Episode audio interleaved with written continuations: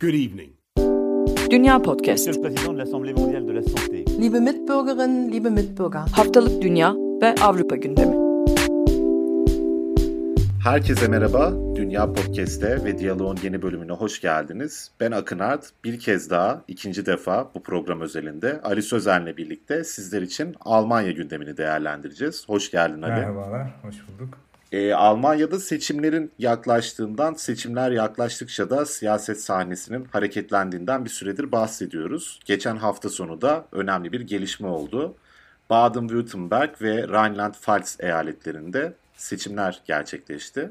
Eyalet seçimleri. Ve burada yani sürpriz belki sayılamaz ama geleceğe bir şeyler devredilebileceği düşünülen bir takım rakamlar ortaya çıktı. Bunlardan bir tanesi Yeşillerin Baden-Württemberg'de seçimleri %32.6 ile birinci sırada bitirmesi, CDU'nun da %24.1 ile ikinci sırada olmasıydı. Yeşiller oyunu %2.3 arttırdı, Hristiyan Demokratlar ise 2.9 oranında azalttı bu eyalette. Rheinland-Pfalz eyaletinde ise iki, e, ilk iki partinin de oyları aslında düştü. SPD %35.7 ile birinci, CDU %27.7 ile ikinci. SPD'nin %0.5 oranında küçük bir miktar oyları düşmüş bir önceki seçime göre. CDU'nun ise %4.1 oranında oyları düşmüş.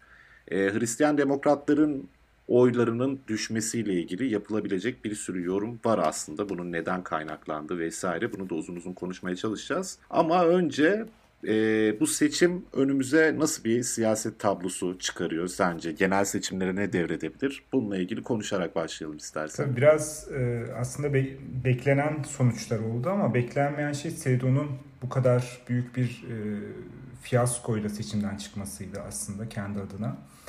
Ve bunu dediğin gibi birçok etkisi var. Burada sadece seçimlerin özelliğinde zaten hali hazırda eyalet başbakanlığı görevini yürütmekte olan iki aday vardı ve bunlar da sevilen e, başbakanlardı. Dolayısıyla bunların kazanması çok sürpriz değil bir yandan. Ama öte yandan Seydo'nun bu kadar düşük bir oyla seçimden çıkması geleceğe dair de bize bir fikir verdi ve iki eyalette de e, SDU'suz bir iktidar ihtimalinin ortaya, bir koalisyon ihtimalinin ortaya çıkması yine e, federal bazda da belki SDU'suz bir iktidarın e, önümüzdeki e, Eylül ayında ortaya çıkabileceğinin ipucunu verdi diyebiliriz herhalde kısaca. 2005'ten beri ben yanlış hatırlamıyorsam SDU'nun olmadığı bir iktidar kompozisyonu sanırım olmadı Almanya'da oldukça Hı-hı. uzun bir süredir. Evet. Merkel'in önderliğinde.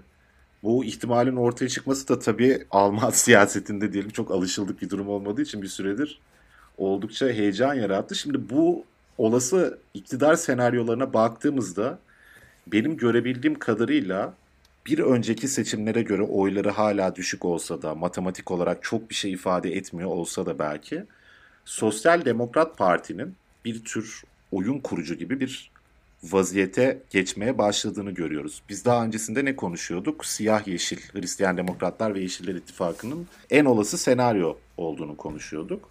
Bugün de bu senaryo olasılığını yitirmiş değil veya ne bileyim çöpe atılmış değil. Hala kuvvetli bir senaryo olduğunu ben kendi adıma düşünüyorum. Fakat bunun yanında SPD ve Yeşilleri içeren iki ayrı kompozisyondan da bahsediliyor Alman basınında. Bunlardan bir tanesi ve daha çok öne çıkanı benim görebildiğim kadarıyla son zamanlarda trafik lambası koalisyonu olarak adlandırılan liberaller, sosyal demokratlar ve yeşiller koalisyonu.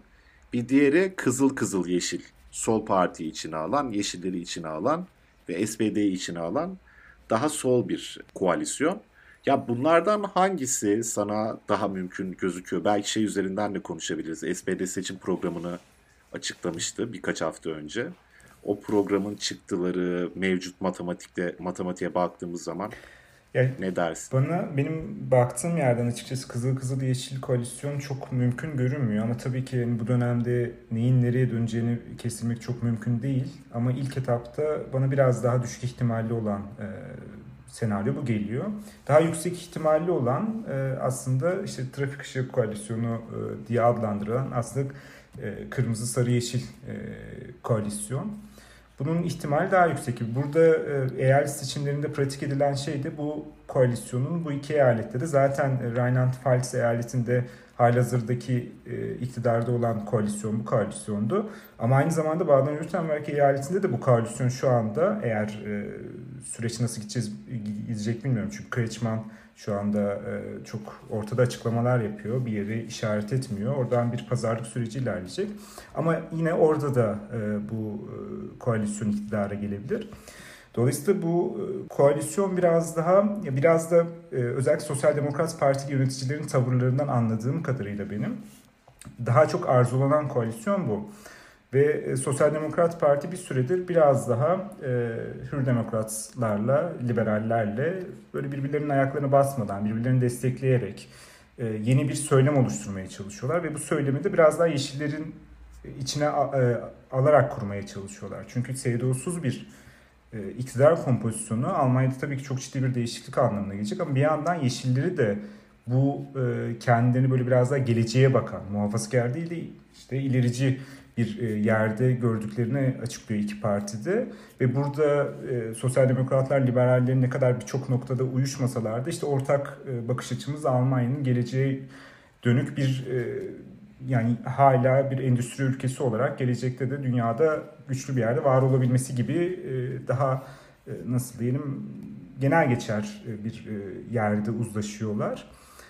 Yeşillerin de buraya dahli bana mümkün geliyor dolayısıyla. Ama tabii ki buradaki oy oranları ne olacağı, CDU'nun işte bu belki yine oraya geliriz ama işte yolsuzluk skandalından sonra nereye kadar evrileceği, işte koronanın yönetememe krizinin e, ne kadar süreceği, işte %30'un altına ne kadar düşeceği vesaire bunlar e, tabii biraz daha süreci verecek ama buradaki önemli nokta senin de dediğin gibi Sosyal Demokrat Parti'nin çok azalan oyuna karşın bu azalan oyu artık biraz kabul edip e, buradan yeni bir siyaset e, Almanya'nın en eski partisi bir e, siyasi tecrübesinde olduğunu buradan görüyoruz. E, bizde geçen en son CDU seçimden sonra siyah yeşil koalisyonun çok büyük bir ihtimalle e, şu an o, o gün için gözüktüğünü söylemiştik. Ama orada Sosyal Demokrat Parti yeni bir oyun kuruşu içerisine girdi diyebiliriz. Yani o, o yeni oyun kurulumunda dediğim gibi e, Liberal Demokrat Parti ile beraber e, e, Hür Demokrat Parti ile beraber düzeltiyorum e, kurmaya çalışıyorlar. Ve burada da aynı zamanda FDP'nin, liberallerin CDU'daki yaşanan krizden sürekli oy koparması ve ayakta kalması ve sürekli korona krizi hakkında da daha e, pratik çözüm önerileri getirmesi. Yani şu anda e, politik düzlemde gündemdeki tüm çözüm önerilerini getiren parti aslında FDP diyebiliriz. Yani işte bu e, kademeli açılma planlarını yapan, bir en azından vizyon koymaya çalışan tek parti bu. E, ve SPD de hem bunu kullanarak hem de yeşilleri işte bir yandan muhafazakarlarla işbirliği yapmaktansa e, yine söylüyorum tırnak içerisinde daha ilerici bir e, koalisyonla işbirliği yapmaya e, itmeye çalışan ve bu yüzden de en baştan beri işte başbakan adayını hızlı açıklayan, parti programını hızlı açıklayan ve biz buradayız, bunu savunuyoruz ve bunu da savunmaya devam edeceğiz gibi baştan oyun kuran bir pozisyona geçti ve bu sırada henüz e, ne Yeşiller e, ne CDU, CSU yani Hristiyan Birlik Partileri ne başbakan adayını seçebilmiş durumdalar ne parti programları belki başbakan adaylarına göre şekillendirecekler biraz daha onu da bilmiyoruz. Çok belirsiz bir, bir yerler ve e, onların planladıkları iki partinin de söylemleri bu e, bunların e, başbakan adaylarının belirlenmesi yönünde Paskalya ile Pfingsten arasında işte Paskal'ın 50. günündeki yortu arasındaki o 50 günlük süreç içerisinde bunun belirleneceğini söylüyor iki parti. Belki birbirlerini bekleyecekler son ana kadar bilmiyoruz. Orada da bir e, siyasal e, denge mekanizması işleyecektir elbette ama burada SPD'nin bir yine e, benim de gördüğüm yerden azalan oyuna rağmen bu e, işte %17'lik belki %18'e çıkartabileceği işte o, o civarlarda gezen bir ara %15'e düşen oylarıyla hala güçlü bir pozisyonda gündemde kalabilmesi esasında.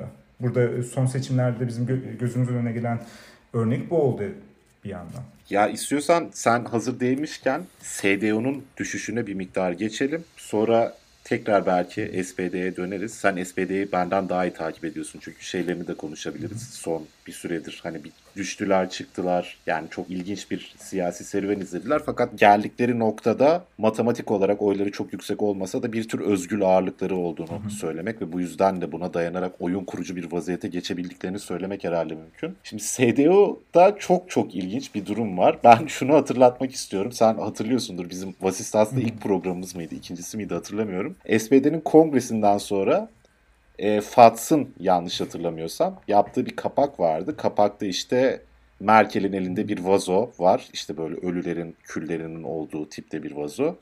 Üstünde SPD yazıyor. İşte SPD'nin kongresinden sonra artık siyasi hayatının bittiği falan filan gibi bir kehanette bulunmuştu. Şimdi bugün baktığımızda SDO için tabii ki bu kadar abartılı yorumlar yapamayız. Yani siyaseten bitmiş bir parti falan filan değil bu seçim sonuçlarına rağmen. Hala Almanya'nın en kuvvetli partisi. Fakat lockdown'un koronavirüs ilk başladığında ilk zamanlarında %40'ı dahi bulduğunu ben sanki hatırlıyorum SDU oylarının.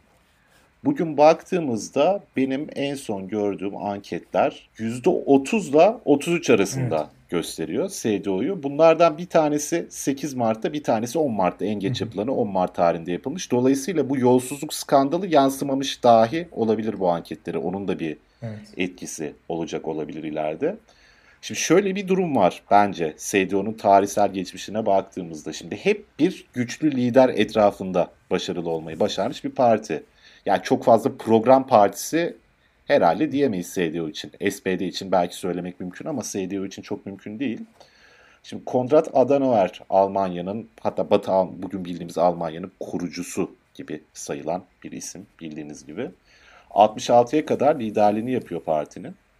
Ondan sonra Helmut Kohl'e geçene kadar arada 4 sene en uzun görev yapanı 4 sene yapmak üzere 4 tane başkan değişmiş. Sonra Helmut Kohl geliyor. 73'te 98'e kadar partinin liderliğini yapıyor.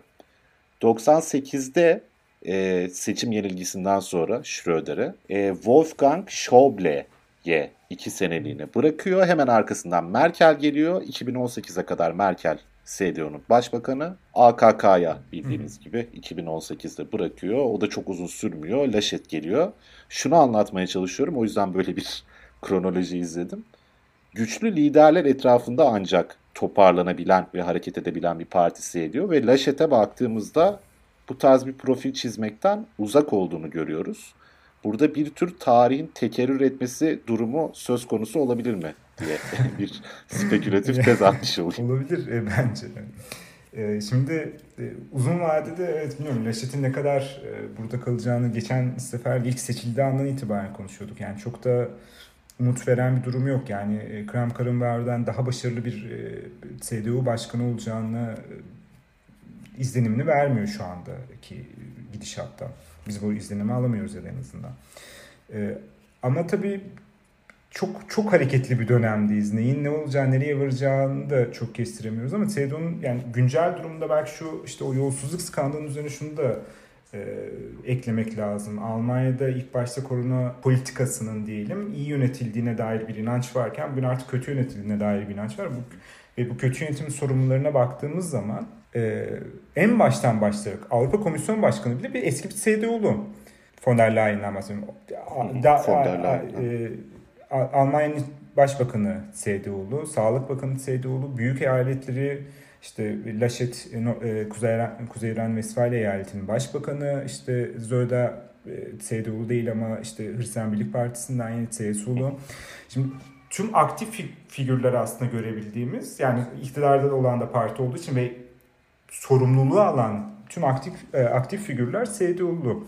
Dolayısıyla bu politika kötüye gittiği zaman CDU bundan doğrudan etkilenecekti zaten. E bir de üstüne böyle yolsuzluk gibi aslında sistematik bir e, yolsuzluk probleminin ortaya çıkması e, veya bunun e, sürekli tartışılıyor olması parti ciddi anlamda sarstı. Bir de şunu da eklemek lazım. E, tabii korona politikalarını biz daha yakından takip ettik ama hemen öncesinde zaten CDU bir krizin içerisindeydi. O zaman da %30'ların altına düşmüştü ilk defa anketlerde o e, oy oranları ve daha önce yaşadığı bir durum değildi bu e, Hristiyan Birlik Partilerinin. Hı hı. Şimdi dolayısıyla bugün işte sonra daha sonra %40'ları buldu e, başarılı tırnak içerisinde başarılı korona politikaları sonrasında ama şimdi bugün artık yine %30'ların altına düştüğü zaman e, CDU'nun sürükleneceği krizden nasıl çıkacağını, nasıl bir yöntemle çıkacağını çok hayal etmekte ben zorlanıyorum ve birçok insan da zorlanıyor bence. Ve bir yandan da şöyle problemler de uğraşacaklar. İşte Laşet ile Zöl arasında bir e, anlayış farkı var ve ikisi de e, şu anda başbakan adayı olmak istiyorlar ve buradan çıkacak bir kavga, skandallar vesaire yani çok önünde zorlu bir dönem var partinin. Bu e, geçtiğimiz işte, pazar günü olan iki seçimde hiç de iyi gelmedi. İki tane Seydo'nun kalesi, eskiden kalesi pozisyonunda olan iki eyaletten ilk de, e, tarihlerin en düşük oylarını aldılar. Yani şu andaki tablo gerçekten iç karartıcı. Yani çok e, etrafında birleşilemeyen bir başkan, iki e, kardeş partinin e, anlaşamayan başkanları, başbakan adaylığı için yarışan başbakan başkanları. Ortada bir program yok. Sağlık Bakanı eleştiriliyor, işte Başbakan eleştiriliyor vesaire vesaire. Yani her tarafta ve bir de bunun üzerine en küçük belediye yöneticisinden en büyük milletvekiline kadar en üst düzeydeki milletvekiline kadar her yerde bir sistematik yolsuzluk ağlarının olduğundan şüphelenen e, bir kamuoyu. Ki gerçekten bunun üzerine ki bu ilk örnek değil. Hı hı. İlk örnek de değil. Şeyi hatırlatmak lazım belki. Yani tam olarak Laşet'in başına gelen biraz yolsuzluk dediğimiz şeyin sınır çizgisinde dolaşan bir şey. E, Laşet'in pandeminin başlarında oğlunun bir arkadaşının babasının şirketine maske tedari için sipariş verdiğini özetle söylemek mümkün. E, bunun bir tanıdık bağ üzerinden gitmesi eleştirilmişti. Fakat Laşet olayı mümkün olduğu kadar hızlı çözmek istedikleri için etraflarındaki en yakın kişiye verdiklerini söylemişti vesaire. Bir de bir lobicilik skandalı olmuştu öncesinde. Adını unutuyorum ben ama bu aşırı genç ha, Amtor, ve... Philip Amtor. Evet, evet, evet.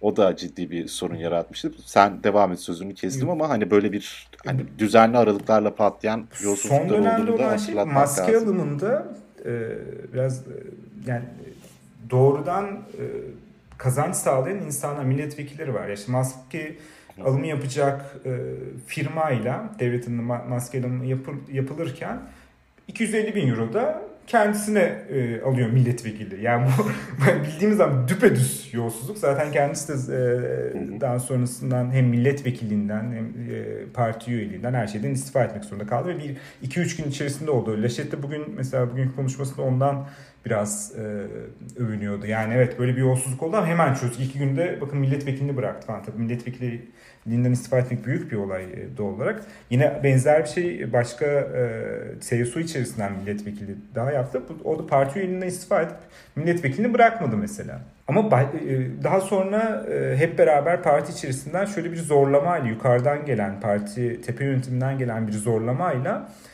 partide işte alt düzeylerden üst düzeylere kadar belli meclis üyeliklerinden milletvekillerine kadar bir onur beyanı imzalatıldı. İşte ben e, korona döneminde maskeden ondan bundan ya, yapmadım e, gibi bu bunu imzaladı e, parti üyeleri diyelim. Seçilmiş parti üyeleri. Ve sonrasında iki gün sonra bu üyelerden bir tanesinin o maske alımı yaptığı firmadan Seydo'nun oradaki yerel örgütüne 7 bin euroluk bir e, bağış yapıldı ortaya çıktı falan gibi. Yani o yani bir yandan şey de tabii mesela e, bazı programlarda bu da konuşuldu. Tepe yönetimin tepe yönetim bile o kadar emin değil ki kendi üyelerinden böyle bir e, zorunlu bir beyan imzalatıyor.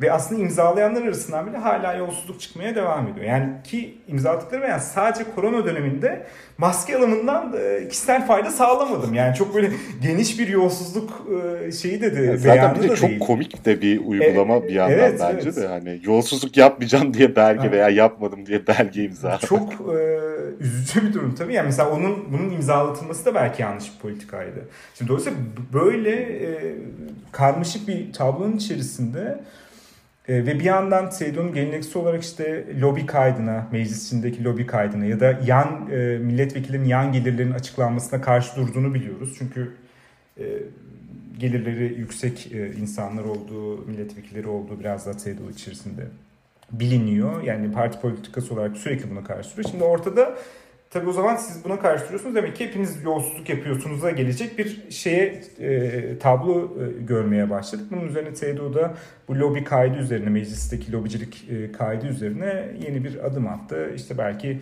hatta seçimden önce bile bu e, böyle bu yönde bir yasa çıkabilir e, diye de bekleniyor. Ama nihayetinde şu an tabii ortada çok iç karartıcı bir tablo var e, Hristiyan Birlik Partileri için. Bugün Zöder de benz bir açıklama yaptı. Yine o da e, geçen bu iki seçimi büyük hayal kırıklığı olarak nitelendirdi. Ve bir yandan bir iki tane e, öneri, üç tane sanırım öneriyle geldi. İşte korona sürecini iyi yönetmekten başlayan işte bir e, nasıl diyeyim bir kilit bir ekip oluşturup o ekibin bu Hristiyan Birlik Partilerini şu anda bu krizden çıkarmasını öneren bir şeye geldi. Hemen ardından iki saat sonra Neşet yaptığı konuşmada da Zöder'le aynı yönde düşünmediğini, şu anda öyle bir ekip kuracak falan bir durumda olmadıklarını, başka yerlerde anlaşmaları gerektiğini falan söyledi. Yani şimdi kamuoyunda yürüyen de açıkta yürüyen bir tartışma da var bir yanda hmm. ve e, dediğim gibi burada işlerin nereye yöneleceğini bilmiyoruz. Bir yandan şimdi şey SDO'daki ya da Hristiyan Birlik Partisi'ndeki tablo buyken e, kim kazançlı çıkıyor bundan? SDO'nun oylarında e, daha çok e, bir yeşillere kayan bir oy kitlesi var ama e, liberallere kayan bir oy kitlesi var. Bir anda FDP de yine e, Sosyal Demokrat Parti gibi söz sahibi bir e, pozisyona geldi ve buradan da artık ne bileyim bundan sonraki adımlarda nasıl e, şeylerle karşılaşacağız bilmiyorum. Tabii ki SVDO da büyük bir parti. Dediğim gibi belki program partisi değil ama pragmatik e, çözümleri sürekli sunabilen bir parti. Buna bir önlemleri olacaktır diye tahmin ediyorum ama yine de e, verdikleri tarih yani e, Princeton e, sanıyorum 20 Mayıs'ta 23 Mayıs'taydı. 23 Mayıs'a kadar bunu hani çözeceğiz. 23 Mayıs'a kadar başbakan adayımızı söyleyeceğiz vesaire. Bunlar tabii şu anda tartışmalar yürürken böyle biraz yine yavaş hareket etme ve bu sırada başka türlü skandalların ortaya çıkma ihtimali de çok güçlü gözüken o yani en azından. Bilmiyorum nasıl olacak TEDO için durum. Gelecek hiç iyi gözükmüyor. Bakalım şimdi tekrar SPD'ye döneceğim. Şu yüzden hani SDO'dan SPD'ye geçelim diyorum. Aslında benzer krizleri kendi içerisinde bir tür avantaja dönüştürdüğünü SDO'nun SPD'nin SPD'nin SDO'nun aksine söylemek mümkün. SPD'nin genel başkanlık kongresinin arkasından yani kongrede Olaf Scholz parti genel başkanlığı için aday olmuştu. Parti genel başkanlığını kaybetti. Hükümetin ekonomi bakanı olarak görev yaptı. Şimdi aynı partinin başbakan adayı olarak genel başkanlık seçimlerini kaybetmiş bir başbakan adayı olarak ortaya çıktı ve şunu konuştuğumuzu hatırlıyorum daha işte yine Vasistas zamanlarında Hı-hı. falan. SPD ikili bir siyaset yürütür gibi bir hal içerisindeydi. Yani bir yanda Esken ve Borya'nın genel eş genel başkanlarının SPD'nin daha sol açıklamalar ve hükümete zaman zaman muhalif gibi gözüken açıklamalar yaptığını görüyorduk. Bir yandan da Olaf Scholz'un iktidar bloğunun önemli, güven veren figürlerinden biri olarak hareket ettiğini görüyorduk. Bu ikililik bir kakafoniye, bir çelişkiye dönmedi. Aksine SPD'nin kongreden sonra izlediği serüvene bakarsak dezavantajdan çok avantaj getirdi parti içinde ki parti içerisi çok çok karışık hmm. SPD'nin. Belki SDO içerisinden bile karışık. SPD bunu nasıl becerdi? İstersen son olarak da bu krizi, onu konuşalım. Evet. SPD bu krizi işte geçtiğimiz sene yaşadı. Hatta SPD bu krizi aslında belki 2000 geçtiğimiz seçimlerden beri yaşıyor aslında. Bu krizi sürekli bir kriz espride yani Martin Schulz'un e, başbakan adaylığından daha sonra e, çok düşük alınan oydan parti başbakanlığını bırakması sonra ailesinin gelmesi vesaire vesaire çok uzun bir süre. Sonra partinin bir süre e, komisyonerlerle yönetilmesi vesaire çok ciddi bir kriz yaşıyordu ve o krizin içerisinde bir de en sonda seçim sonrasında iki tane kamp ortaya çıkmış gibi bir görüntü verdi. Yani bir parti içerisindeki sol kamp ve bir de daha pragmatik e, sosyal demokratlar e, diyebileceğimiz bir kamp ortaya çıkmıştı. Ama SPD bunu şurada çok iyi çözebildi. Çünkü parti erimeye devam ediyordu ve bir önlem almaları gerekiyordu. Kamplar birleştiler bir şekilde. Yani şu anda ben SPD'nin politikasının işte kamp mı yoksa pragmatik politika mı falan böyle bir çok kafalarında e, sorular döndüğünü düşünmüyorum. Şu anda yaptıkları tek şey partiyi ayakta tutmak. Yani daha çok aslında pragmatik bir yana kaymak gibi oldu. Bir yandan hükümeti eleştiriyorlar. iç, kendi içinde o, bulundukları hükümeti eleştiriyorlar esasında. O da tabii ayrı bir tartışma konusu yaratıyor şu anda ama e, ama bir yandan da hükümet içerisinde rol alarak işte e, Scholz'un Maliye Bakanı olarak pozisyonundan işte o e, korona yardımlarını e, devlet bütçesinden onaylamasından vesaire vesaire böyle bir hem verici hem de eleştirici falan böyle bir e, pozisyonda kendini koyuyorlar ikili e, bir pozisyonda ve bu, bunu buna erken e, nasıl diyelim tepki vermek zorunda kaldı SP'de. Yani bunu çok daha önceden yaşadılar. CDU bunu biraz geç yaşadı. Yaşadığının farkına varmadı. Bir de mesela şey açıkçası CDU'nun işine çok yaramadı bence. Korona politika, korona döneminde e, parti oylarının bu kadar %40'ları bulması işine yaramadı. Çünkü zaten krizde olan bir parti bir dönemliğine Aa, aslında her şey yolundaymış gibi gözüktü. Aa, bu, evet bu parti yönetici parti evet çok iyi yönetiyorlar falan gibi gözüktü ama sonra aslında o sistematik sorunlar tekrar ortaya çıktığında bu sefer boşuna geçirilmiş ve bir şekilde reform yapılmamış, bir şekilde düzeltilmeye uğraşılmamış bir dönem ortaya çıktı ve Eylül'de seçimler var. Yani şuradan 6 ay sonra seçimlere girecek bu parti. Ve şu anda ortada ne bir politikası ne bir şey var. Yani SPD bunları erken tepki vermek zorunda kaldı. Bu belki krizlere girmek tabii ki her parti için kötü ama bu krizlere erken yani zamanında girmek ya biraz da e, şans faktörü de olabilir belki bu işin içerisinde. Zamanında girip iyi bir e, pozisyon almak. Şu an SP'de tabii ki geçtiğimiz seçimde göre çok oy kaybetti ama toparlanma evresinde en azından bir yerde kaldı. Hatta şimdi üzerine yüzde bir, yüzde iki e, ufak ufak üzerine koymaya başladı ki seçime kadar biraz daha da artabilir. Yani dediğim gibi bu krizi aşıp pozisyonlarını netleştirdikleri için yani e, şu anda yapamadığı e, durum bu herhalde. E, benzer bir sorun aslında Yeşillerde de yaşıyor. Yeşiller oylarını zaten çok arttırmışlardı. Biraz potansiyellerinin altında gözüküyorlar hala. Yine bence benzer sebeplerden dolayı. Hatta mesela e, oy kaymalarında özellikle Baden-Württemberg'de an, e, anlatılan şey e, Yeşiller her partinin oy alıyor. Onlar da FDP'ye kaybediyorlar yine falan. Hani bu buradan çıkacak özellikle mesela Baden-Württemberg tabii Kretschmann'ın e, kişiliğiyle de alakalı bir e, durum var. Biraz aslında e, eyalet seçimlerini biraz atladık gibi oldu ama onları da biraz e, belki kısaca dokunabiliriz. E, o iki aday, adayın da kişiliğiyle kazanmaları gibi bir durum oldu. Oradaki parti arkalarında dur, e, duran partiler değil. Zaten ikisinin de e, seçim sloganları öyleydi. Dreyer'in e, sloganı şeydi.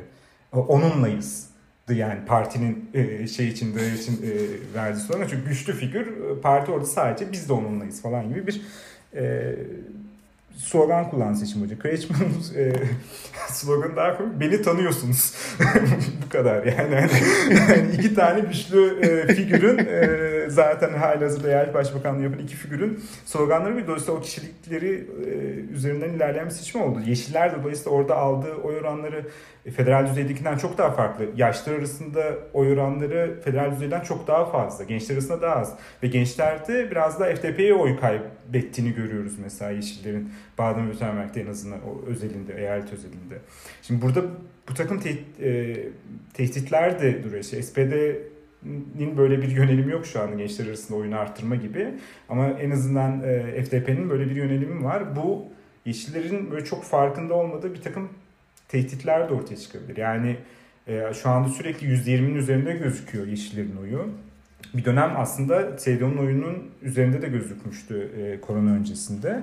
Evet. E, öyle orada bir e, yani %28'lerde, %26, 27, 28'lerde potansiyelleri var aslında ama şu anda %20'lerde dolaşıyorlar ve bunun birkaç puan daha geriye gitmemesi için bir, bir aksiyon alması da gerekiyor bana kalırsa işlerin. Burada hani parti politikalarında Seydo'nun yaşadığı krizi Yeşiller de yaşıyor. Ama işte SP'den en başta başladığımız bu krizi çok önceleri yaşayıp netleştirmeleri, yani en azından politikaları netleştirmeleri pragmatik de olsa yani bir e, program etrafında şekillenerek değil yani gündelik e, e, politikalara göre ilerleyerek de olsa e, biraz daha ben kazandırdığını düşünüyorum ve süreç içerisinde belki daha da kazandırabileceğini düşünüyorum. Seçimler ve seçimlere giden yolda muhtemelen biz bol bol seçim pastası, anket vesaire görmeye devam edeceğiz. evet. Gördüğümüz zaman da bir daha program mı yapsak diye kaşınmaya başlayacağız diye tahmin ediyorum. O yüzden önümüzdeki süreçte tekrar hem genel Almanya siyasetine hem de belki bazı mikro meseleleri o gündemler özelinde konuşmaya devam ederiz. Çok uzatmadan bu programı bitirmiş olalım. Görüşmek üzere bir sonraki programda. Hoşçakalın. Görüşmek üzere. Good evening. Dünya Podcast. Liebe Mitbürgerinnen, liebe Mitbürger. Haftalık Dünya ve Avrupa gündemi.